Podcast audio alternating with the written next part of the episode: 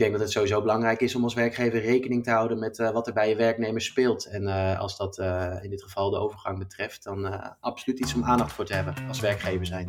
Volgens Ronald de Snow van MKB Service Desk is het heel belangrijk dat werkgevers bewuster worden van de overgangsklachten waar vrouwen mee te maken kunnen krijgen.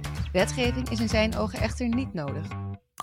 Ondernemersplatform MKB Service Desk is onderdeel van Van Spaandonk. Dit is een podcast van ANP Expert Support. Deze dienst staat los van de ANP-redactie. Luna van der Waarde spreekt vandaag deze expert naar aanleiding van dit ANP-nieuwsbericht.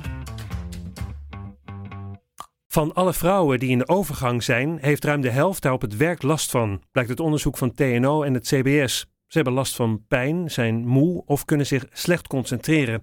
Soms is het zo erg dat ze zich moeten ziek melden. Veel vrouwen zouden meer steun en begrip van hun werkgever willen. Ik spreek met Ronald de Snow van MKB Service Desk. Vind jij ook dat werkgevers meer rekening moeten houden met vrouwen in de overgang? Ja, in algemene zin heeft een werkgever een zorgplicht. Die moet er sowieso voor zorgen dat werknemers veilig en gezond kunnen werken. Dus ik denk dat het sowieso belangrijk is om als werkgever rekening te houden met uh, wat er bij je werknemers speelt. En uh, als dat uh, in dit geval de overgang betreft, dan absoluut iets om aandacht voor te hebben als werkgever zijn. Ja. En wat zouden werkgevers dan specifiek kunnen doen? Ja, er zitten denk ik ook twee kanten aan. Hè. Je hebt het, het, het menselijke aspect en het zakelijke aspect. Dus ehm, om als werkgever hier überhaupt mee aan de slag te gaan, je wil sowieso denk ik een omgeving creëren waarin alles bespreekbaar is voor je mensen. Uh, omdat uh, overgang uh, net zo goed een ongemak kan zijn als bijvoorbeeld ziekte of blessure. Dus goed om daarmee aan de slag te gaan en daarmee een veilige omgeving te creëren. Dus het gesprek aan te gaan met je, met je werknemer. En het zakelijke aspect zit veel meer op de, wat, ik, wat ik las in het onderzoek, dat de ziekmeldingen en burn-outs hoger liggen. En dat 36% van de, de dames die dit betreft wel eens minder goed functioneert op het werk. Dus het kost ook gewoon geld voor een werkgever om daar ja, om het te negeren, dan kost het je gewoon geld, omdat je er dan te weinig aandacht voor hebt. En de mensen daardoor wellicht niet zo goed kunnen presteren als dat ze dat anders wel hadden kunnen doen. Dus ik denk dat gesprek aangaan, dat dat centraal staat. En ook een omgeving creëren waarin de mensen die het betreft niet het idee hebben dat het consequenties heeft op het moment dat ze het gesprek aangaan erover of dat ze het aankaarten. Maar dat, ja, dat beperkt zich denk ik niet tot, tot dit thema van overgang. Maar alle uh, mogelijke vormen van dingen waarbij werknemers niet goed in hun vel zitten. Dus het gaat verder dan puur ziekteverlof, maar alles wat daar speelt thuis. Ja. Dus als ik het goed begrijp, is uh, de overgang een van de aspecten waar werkgevers meer rekening mee kunnen houden. Uh, naast bijvoorbeeld uh, ziekte of blessures. maar ja, hoe zou dat bewustzijn meer gecreëerd kunnen worden dan onder werkgevers? Nou, ik denk dat dat een belangrijke is, inderdaad. Want de, ehm, nou, het is een thema wat. Uh, er rust een taboe op. Hè? Dat, dat wordt ook in het, uh, naar aanleiding van het onderzoek gesteld. Maar als ik ook even naar mezelf kijk. Ik heb me nu natuurlijk ter voorbereiding op dit interview wel wat ingelezen. Maar overgang was voor mij niet heel veel meer dan de opvliegers, die, die wel bekend zijn.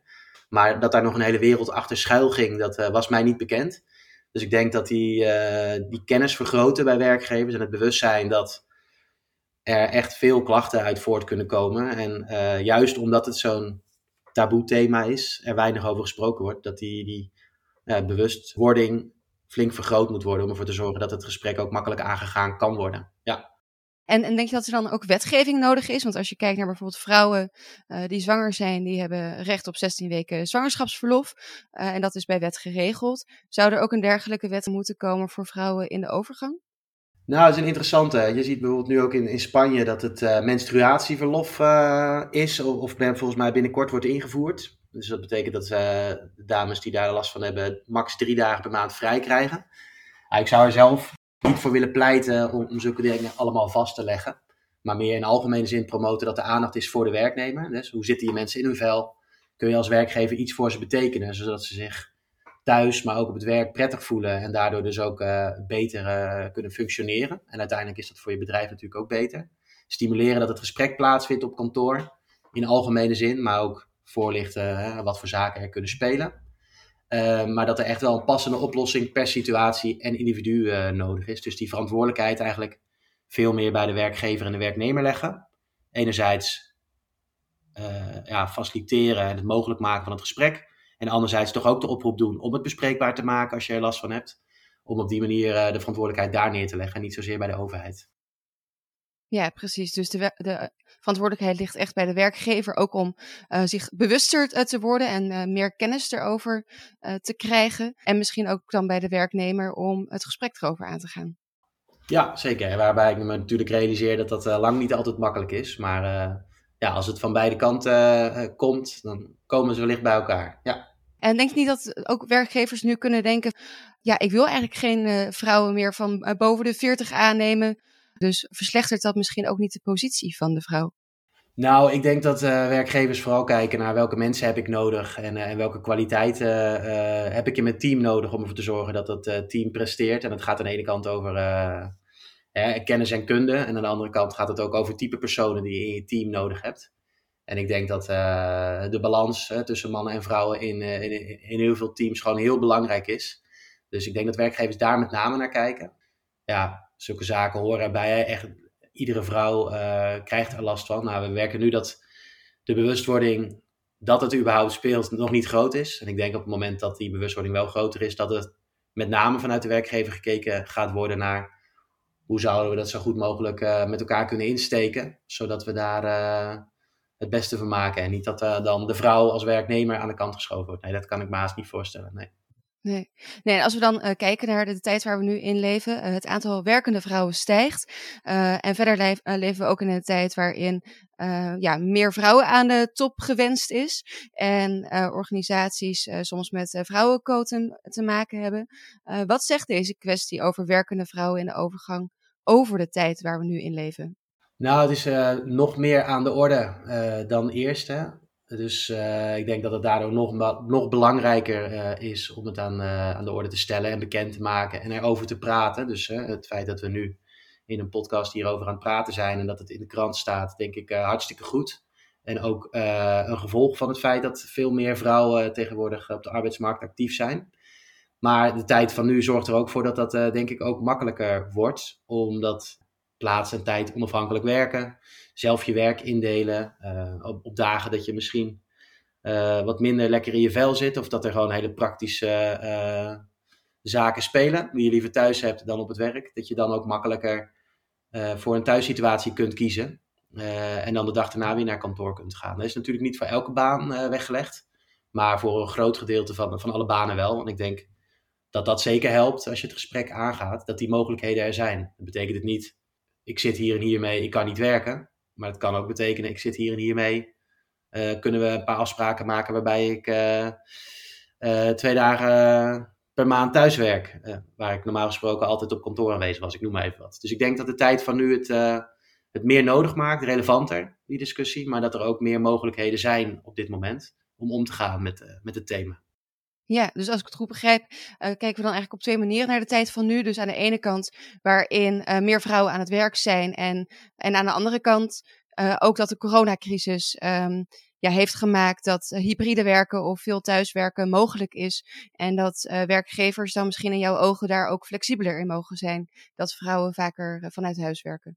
Ja, ik denk dat dat zeker geholpen heeft. Ja. Voor de corona was het heel hip en uh, meer iets uit uh, speciale sectoren of, of misschien wel uit Silicon Valley om heel erg flexibel te werken en misschien zelfs zonder kantoor aan de slag te zijn. En sinds corona is het natuurlijk algemeen bekend en gemeengoed geworden dat het voor heel veel sectoren en heel veel bedrijven eigenlijk prima werkt. dus ik denk dat dat absoluut voor zorgt dat de situatie daardoor makkelijker ja, op te lossen is. En we hebben het uh, nu gehad over wat uh, werkgevers uh, moeten doen en hoe zij meer bewustzijn kunnen creëren.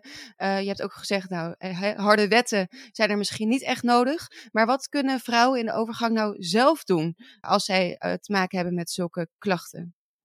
Ja, ik denk dat echt dat bespreekbaar maken zelf, dat dat absoluut iets is om, om mee te nemen. het is niet zo je, om je voor te schamen. Alle vrouwen krijgen mee te maken. Ik weet dat dat helemaal voor mij wellicht makkelijk te zeggen is. Maar probeer het bespreekbaar te maken. Uh, er zijn ongetwijfeld uh, één op eens of andere momenten dat je uh, buiten de groep om, of even, misschien moet je er een gesprek voor aanvragen met de leidinggevende. Dat je even voor kunt gaan zitten en met elkaar het gesprek aan kunt gaan. Omdat ik, en spreek ik even namens de werkgevers, maar denk dat vrijwel alle werkgevers er wel voor openstaan om met elkaar naar, naar een oplossing te kijken. Dus ga dat gesprek aan. En aan de andere kant denk ik planningmatige. Dus zorg dat je thuis werkt wanneer de situatie daarom vraagt. En probeer dat goed te plannen ten opzichte van je kantoordagen. Misschien ben je gewend om op bepaalde dagen thuis te werken op kantoor, maar het kan natuurlijk helemaal geen kwaad om daarvan af te wijken als je dan beter in je vel zit. Dus ik denk dat dat een goede is, waarbij het initiatief vanuit de vrouw zelf kan komen. En um, ja, dit heb ik gelezen hoor, daar was ik me dan niet van bewust, maar als je zo fit mogelijk bent, dus je leefstijl aanpast, meer bewegen, stress vermindert, hoe meer je daar mee bezig bent, de, hoe, hoe, kleiner de klachten zijn. Dus mocht dat van toepassing zijn, dan zou dat ook nog iets kunnen zijn, denk ik, waar, waar de vrouw mee aan de slag kan. op het moment dat dit speelt. Dus aan de ene kant uh, proberen het gesprek aan te gaan met je, met je leidinggevende. En aan de andere kant uh, ook proberen zo uh, gezond mogelijk te leven, zodat de klachten misschien wat, wat minder worden. Ja, exact. Ronald de Snow, dankjewel. Graag gedaan, ook bedankt. Deze en andere experts staan in de database van ANP Expert Support. Ga voor meer informatie naar anp.nl/slash expertcast. Dit is een podcast van ANP Expert Support. Deze dienst staat los van de ANP-redactie